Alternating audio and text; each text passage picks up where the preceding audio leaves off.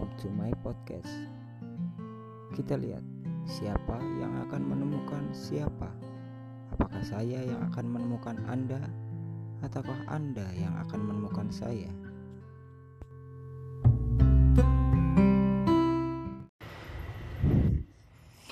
Hey yo listeners, welcome to podcast. Thank you udah mau mampir di podcast saya. Senang sekali pada kesempatan kali ini saya bisa hadir kembali mengudara berbagi cerita lewat platform digital pertama saya dengan kalian. Semoga kalian semua sehat ya. Amin. Anyway, ini masih di episode pertama ya. Dengan berbagai perasaan campur aduknya. Anything, tapi udahlah ya. Namanya juga perduniawian. So, let's open the show. Oke, okay, listeners. Topik podcast perdana kali ini saya mau memulai sedikit pembahasan ringan mengenai bagaimana cara kita uh, buat memahami diri sendiri dulu. Ya kan? Karena selama ini kan kita hanya sibuk memaksa orang lain buat memahami diri kita sendiri, sedangkan diri kita sendiri gak pernah disadarin buat ngertiin dirinya sendiri. Nah, alasannya kenapa saya bahas topik seperti ini ya karena menurut saya ada banyak di antara kita atau maybe kalian sendiri lagi ngerasa berada di fase yang sedang merasa kurang memahami dirinya sendiri. Jadi mungkin kalian jadi sering ngerasa introvert atau ada juga yang ngerasa extrovert atau malah ada yang ngerasa hidup di posisi keduanya gitu kan kayak ambivert gitu Nah, coba deh. Ada baiknya kalau kalian belajar memahami diri sendiri dulu. Kayak ya coba ngenalin diri kalian jauh lebih dalam. Daripada sibuk menyalahkan diri sendiri atau bahkan sibuk meminta orang lain buat memahami diri kalian. Nah, dalam hal ini memahami diri sendiri memang gak selamanya mudah dilakukan maka dari itu di podcast saya ini saya mau coba kasih tips 9 latihan memahami dirinya sendiri. Ya semoga aja 9 latihan ini bisa membantu kita memahami diri dengan lebih baik. Amin. Oke listeners, uh, perlu kita pahami dulu ya bahwa diri sendiri boleh jadi adalah orang pertama yang harus kita kenali sebelum kita mengenal orang lain. Tapi seber, seberapa dalam kita memahaminya kadang suka menjadi misteri gitu. Yang bahkan sampai detik ini kita nggak tahu gitu. Yang padahal memiliki pemahaman mendalam tentang diri sendiri merupakan hal yang sangat vital sebenarnya buat apa pun yang kita kerjakan baik untuk kebaikan diri sendiri untuk membangunkan hubungan yang lebih baik mungkin dengan orang lain. Juga untuk menciptakan hidup yang berarti dan memuaskan. Tentunya bahagia ya. Jadi jadi listeners eh, saya akan ini coba eh, mengutip dari psikolog klinis ya dari Bapak Ryan Hawas PhD. Beliau pernah mengatakan setiap orang memiliki cara yang unik dan berbeda untuk menghadapi dan menjalani hidupnya. Maka amat sangat penting bagi kita semua untuk memahami perbedaan itu, untuk meminimalisir kemungkinan munculnya tekanan yang timbul karena kita tidak bisa memahami diri kita sendiri.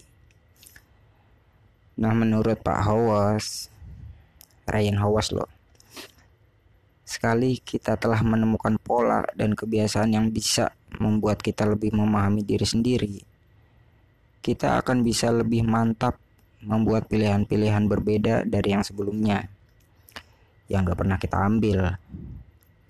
Tentu aja dibutuhkan kerja keras dan keberanian kita untuk bertanya tentang hal-hal besar pada diri kita sendiri. Seperti tentang apa yang sebenarnya kita inginkan. Kenapa kita merasakan apa yang tengah kita rasakan. Serta pertanyaan-pertanyaan lain. Dan tentunya kita juga harus bersikap eh bersikap bersiap untuk mendapatkan jawaban yang gak sesuai sama keinginan kita. Nah, kebenaran tentang kesalahan yang mungkin kita lakukan tentu bukan kabar baik yang yang mau kita dengar ya. Hmm, tapi harus kita terima gitu loh. Sebab nih ya, ada pasti ada. Uh, ada uh, mungkin bahasa yang yang sering kita dengar gitu kan bahwa membuka pintu kebenaran itu dapat memberikan kita informasi yang positif dan berharga juga sebenarnya. Asal kita mau dengan lapang dada gitu menerimanya gitu kan. Melakukan refleksi ulang untuk memahami diri sendiri memang bukan perkara mudah karena jujur ya saya paham betul bahwa itu sama aja gitu. Kita menguliti diri kita sendiri yang merupakan sebuah kejujuran yang nggak menyenangkan gitu kan. Tapi justru kita biasanya lebih mudah kebanyakan ya untuk memilih mencari perlindungan di balik berbagai alasan yang kita sugesti sendiri. Padahal sebenarnya kalau kita pahamin lagi bahwa membuka semua selubung alasan itu adalah hal kritis yang sebenarnya amat perlu dilakukan buat diri kita sendiri gitu. Karena ya kita semua tahu lah kadang ada banyak dari kita yang hmm, ingin mengetahui sebuah kebenaran tapi kita di sisi lain di sisi lain kita juga punya rasa takut buat mengetahui jawabannya gitu dari kejujuran tersebut gitu.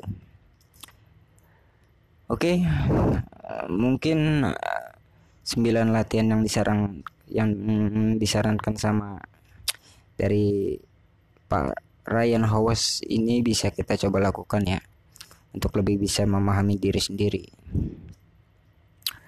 Nah, coba tolong disimak baik-baik ya.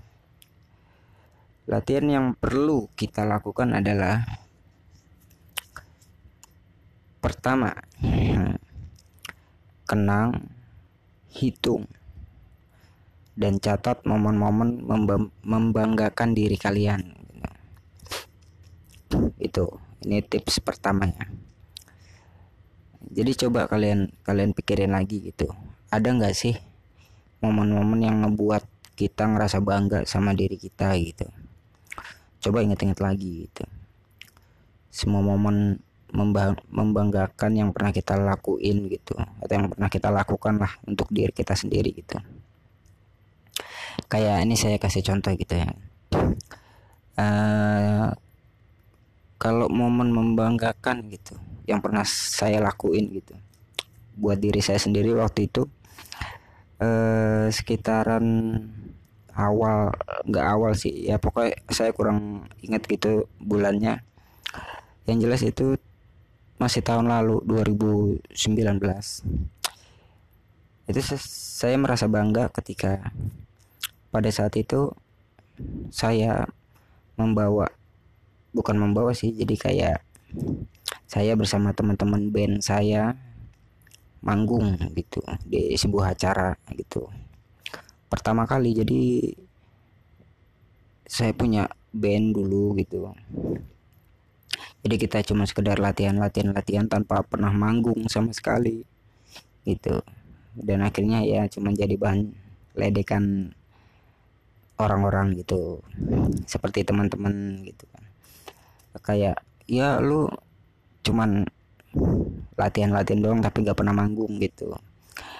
Dan pada saat itu saya sama teman-teman band saya diundang di sebuah acara gitu untuk mengisi acara.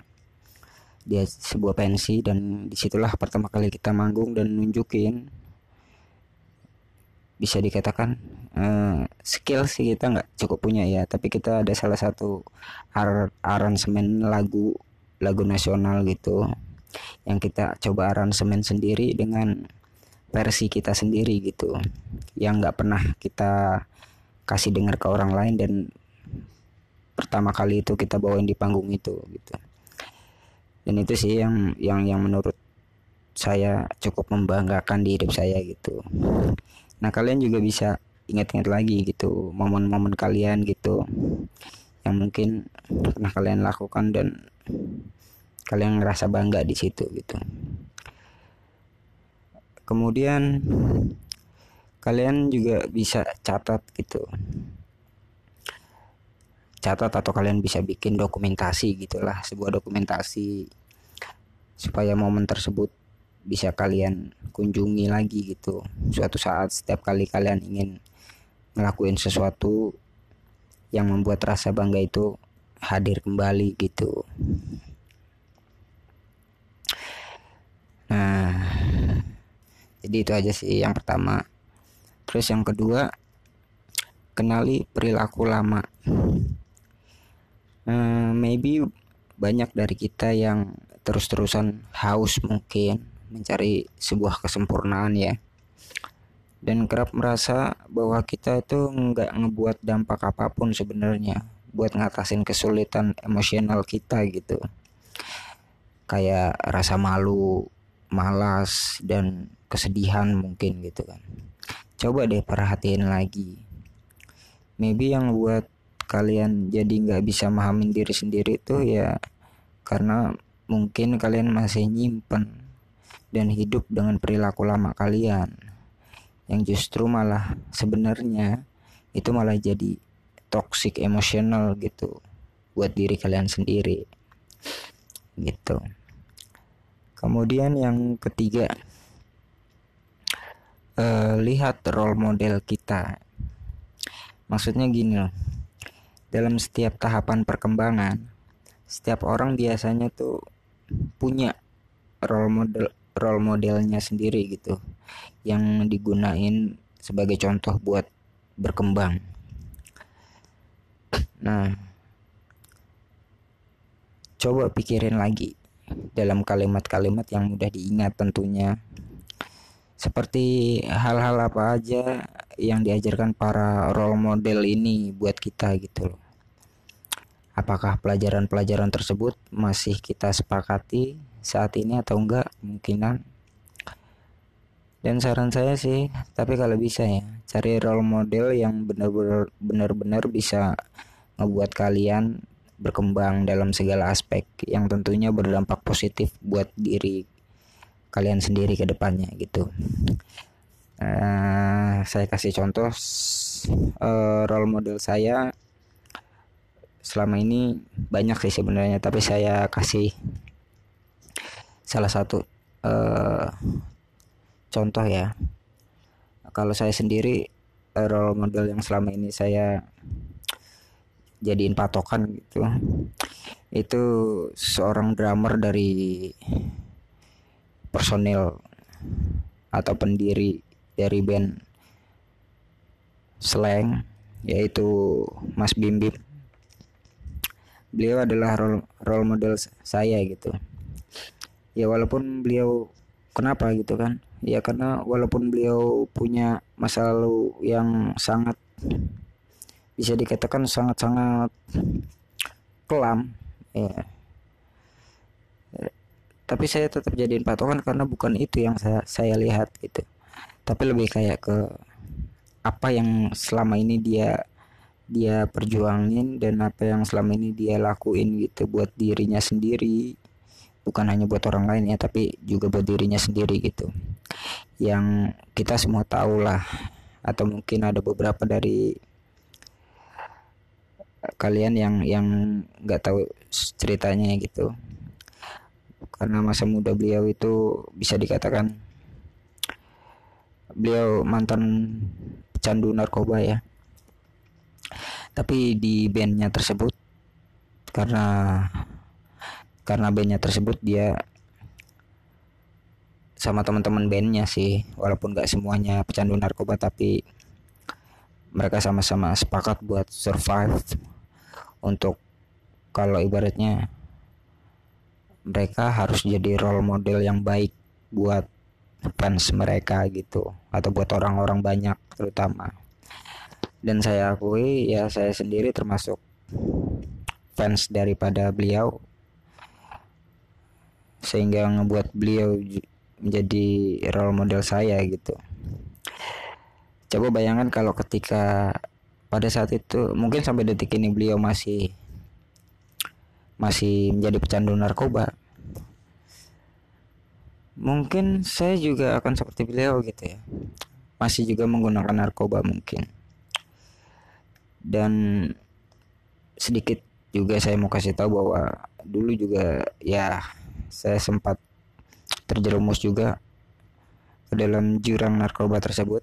Itu juga sebenarnya salah satunya sih ya selain dari rasa penasaran dan ingin coba-coba sih sebenarnya salah satunya juga saya coba itu ya pingin kayak beliau gitu pada saat muda gitu kan. Kayaknya aduh enak nih ngomong lantur gitu. Kayak orang stun-stun gimana gitu kan. Tapi semakin lama saya juga ngerasa kayak ini nggak bisa nih. Di kehidupan nyata kita kayak gini gitu nggak bisa dan alhamdulillahnya ya itu karena lihat perjalanan beliau dan apa yang beliau suarakan sama personil band lainnya gitu kan. Dan di situlah yang buat diri saya juga untuk oke okay, kalau dia bisa berubah gue juga harus bisa berubah. Jadi kayak gitu prinsipnya. Maka dari itu ya tadi kita harus punya role model yang baik tentunya. Kalau kalau kita mau uh, ngebuat diri kita jadi lebih positif ya untuk ke depannya. Oke lanjut yang keempat. Ingat-ingat hal apa hal apa aja yang beresonansi dengan kita. Uh, jadi gini loh, coba diingat lagi gitu. Coba diingat-ingat lagi seperti mungkin kita pernah baca buku, nonton film, dengerin musik atau podcast atau nonton video yang dibuat sama konten kreator yang kita tonton di YouTube atau bahkan mungkin kita sering lihat postingan-postingan orang lain di media sosial yang menginspirasi kita gitu. Asal jangan lihat postingan-postingan mantan ya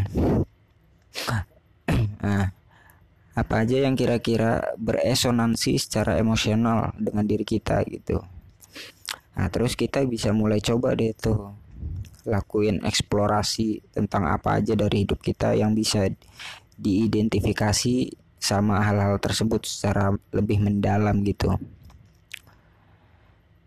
Dan tentunya juga nih harus bisa uh, kita gitu harus bisa dan pintar-pintar mencari referensi yang paling baik buat digabungin di kehidupan kita gitu jadi maksudnya tuh gitu kadang kadang kan kita mungkin punya referensi lah punya satu referensi dari apa yang kita lihat atau apa yang kita dengar gitu kan mungkin. Nah dari situ kita coba lebih mix kita mix gitu atau kita cocok cocokin gitu sama sama diri kita gitu. Kira-kira eh nah gitu kan. Pasti kan kalian kan punya referensi lah gitu. Dari buku mungkin atau film atau musik gitu kan. Atau mungkin followers followers kalian gitu yang sering kalian lihat. Nah itu kalian bisa cocokin sama diri kalian. Jadi, jadi harus pintar-pintar juga milih nih gitu loh. Misal gitu jangan sampai apa yang yang kita baca di buku atau yang kita lihat di film atau di YouTube atau di postingan gitu video-video pendek gitu postingan orang. Itu pas kita cocokin kok ternyata nggak sesuai sama diri kita. Nanti yang ada itu malah menjadi ngebentuk kita malah jadi orang lain bukan jadi diri kita sendiri gitu loh. Jadi kayak oh gue pengen kayak dia nih ya kan? Padahal itu bukan bukan kita gitu. Bukan diri kita gitu. Tapi itu orang lain. Kita cuman coba menirunya aja gitu supaya kita bisa kayak seperti mereka. Gitu loh. Yang saya maksud di sini tuh bukan bukan kayak gitu tapi lebih kayak mencocokkan dari apa yang kita lihat apa yang kita dengar gitu kan. Dengan kehidupan diri kita yang kita inginkan gitu. Supaya apa? Ya supaya menjadi sinkron gitu next yang kelima minta masukan dari orang-orang yang kita sayang. Nah ya kalau ada yang nyayang. Nah maksud saya gini coba mintalah masukan dari teman atau keluarga untuk mengamati kita gitu. Seperti misalnya hal-hal apa sih yang menurut mereka bisa ngebuat kita jadi bahagia atau mungkin jadi tertekan gitu kan. Ya walaupun tentu saja tidak semudah itu Ferguson gitu kan meminta orang lain memberi kita masukan. Tapi justru mereka maksudnya orang-orang yang kita mintai pendapat itu justru mereka yang mereka yang akan sangat mungkin memberikan masukan yang mengejutkan justru buat kita gitu. Dan mungkin amat membantu kita sebenarnya buat memahami diri kita sendiri gitu kan.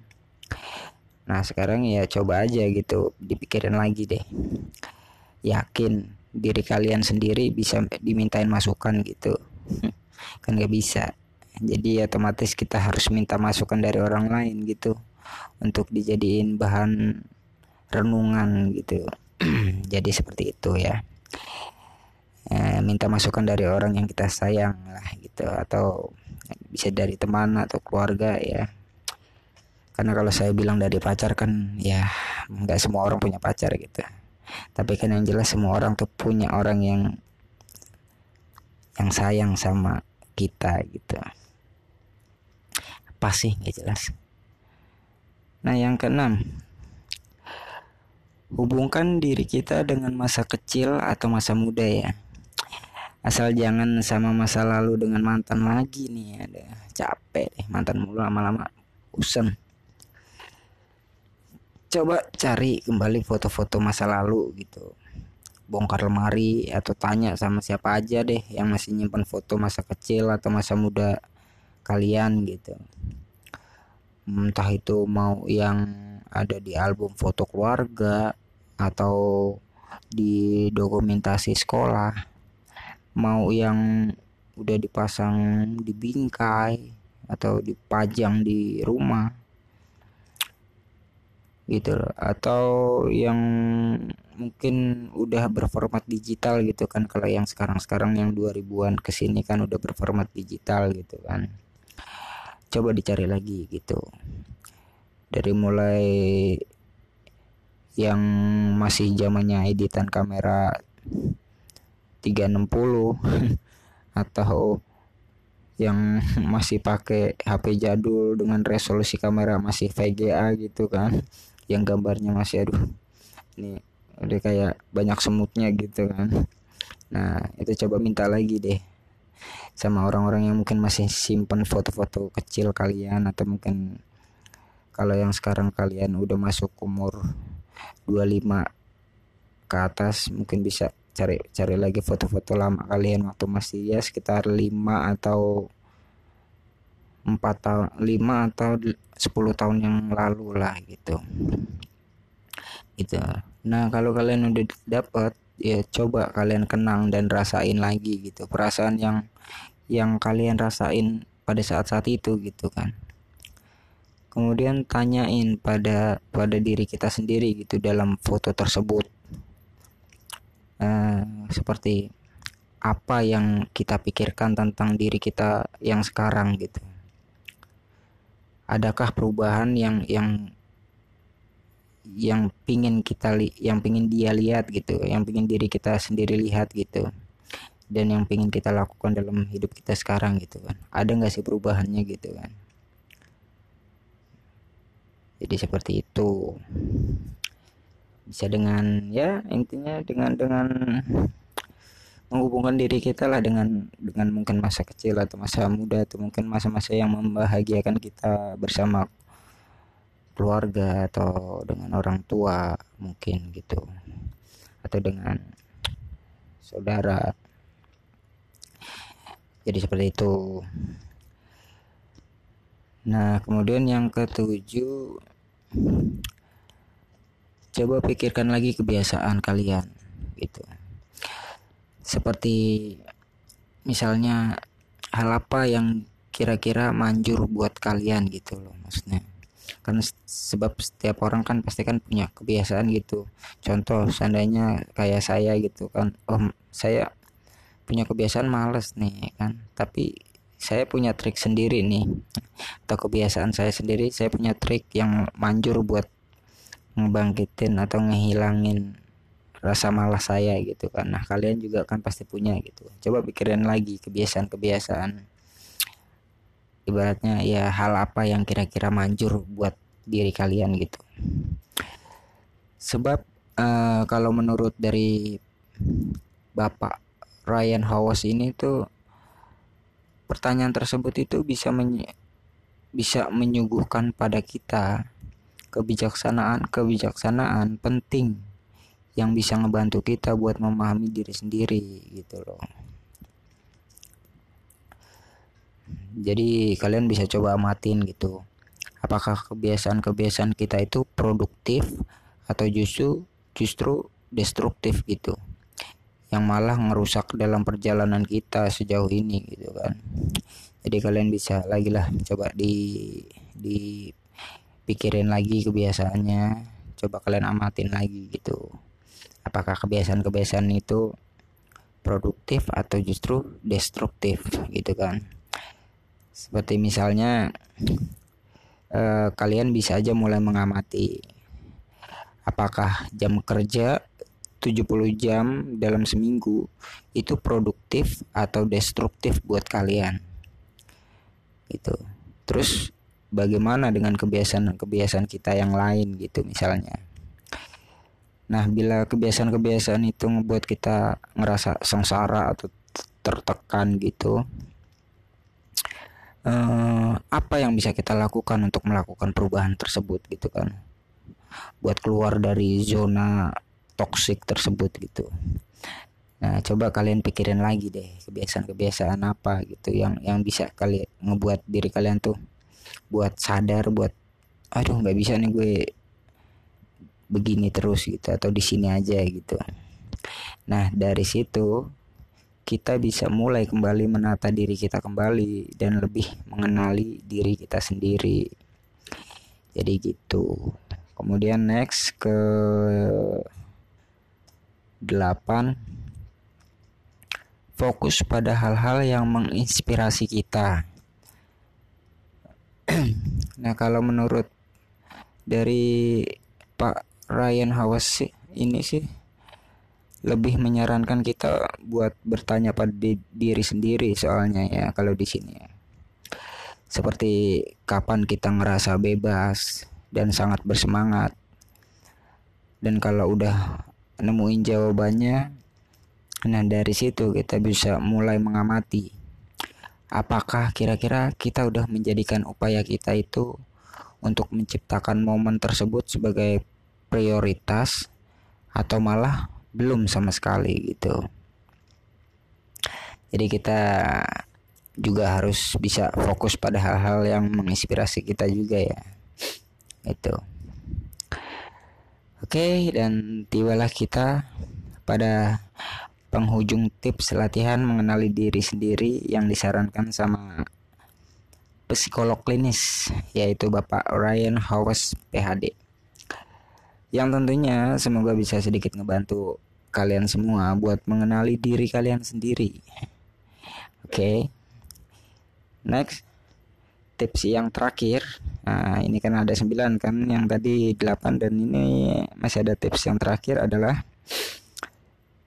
tanyakan selalu pertanyaan ajaib ini pada diri kalian sendiri. Sebab musababnya sendiri ya. Menurut saran dari Pak Ryan Hawas ini pertanyaan ini merupakan uh, salah satu teknik utama gitu dalam terapi yang disebut fokus solusi. Nah, misalnya nih, misalnya kalian bisa coba beri pertanyaan ini pada uh, diri kalian sendiri gitu, uh, seperti ini. Uh, kalau malam ini gitu, saat tidur ter terus tiba-tiba sebuah keajaiban terjadi pada besok ketika kita bangun pagi kira-kira hal apa yang akan segera kita sadari? Apakah bahwa hidup kita tiba-tiba akan menjadi lebih baik? Nah, lalu kalian bisa memberikan jawaban kepada, kepada diri kalian sendiri itu. Seperti kalian bisa jawab gitu. Mungkin entah itu dengan bersuara atau dalam hati gitu kan. Kalian harus jawab ya hidup saya harus menjadi lebih baik. Gitu. Kenapa harus seperti itu? Ya karena lagi-lagi menurut dari penjelasan Bapak Ryan Howes ya beliau ini mengatakan seperti ini. Sebab pertanyaan ini bisa membantu kita mengidentifikasi apa yang benar-benar kita inginkan, apa yang terjadi, dan bisa cukup membantu kita menemukan cara mengatasi hambatan-hambatan yang kita temui selama ini pada diri kita sendiri. Itu. Oke, mungkin jadi mungkin cukup segitu aja dulu ya kali podcast pada episode saya kali ini. Ya, semoga bisa sedikit membantu kalian yang mungkin lagi ngerasa kehilangan jati dirinya atau bahkan ngerasa jauh dari dirinya sendiri sehingga nggak bisa deh tuh ya kan memahami dirinya sendiri gitu. Yang ada malah hidup dalam overthinking ke diri sendiri dan yang lebih bahaya lagi kalau sampai overthinking ke orang lain juga ya jangan. Oke mulai sekarang stop overthinkingnya stop menyalahkan diri sendiri dan orang lain sayangi diri sendiri cintai diri sendiri dan belajar mahamin diri kalian sendiri dulu. Uh, sebelum belajar mahamin orang lain tentunya. Oke okay? sebagai penutup saya ada sebuah lagu buat sebagai penyemangat untuk kalian di mana pun kalian berada ya. Tentunya dari band favorit saya Morphem uh, dan satu lagi buat kalian yang mungkin mau masih pertanyaan atau mau, kiranya mau saya bahas topik menarik yang kalian mau kalian bisa DM ke Instagram saya yang nanti bisa lihat di deskripsi oke okay? thank you and see you next podcast.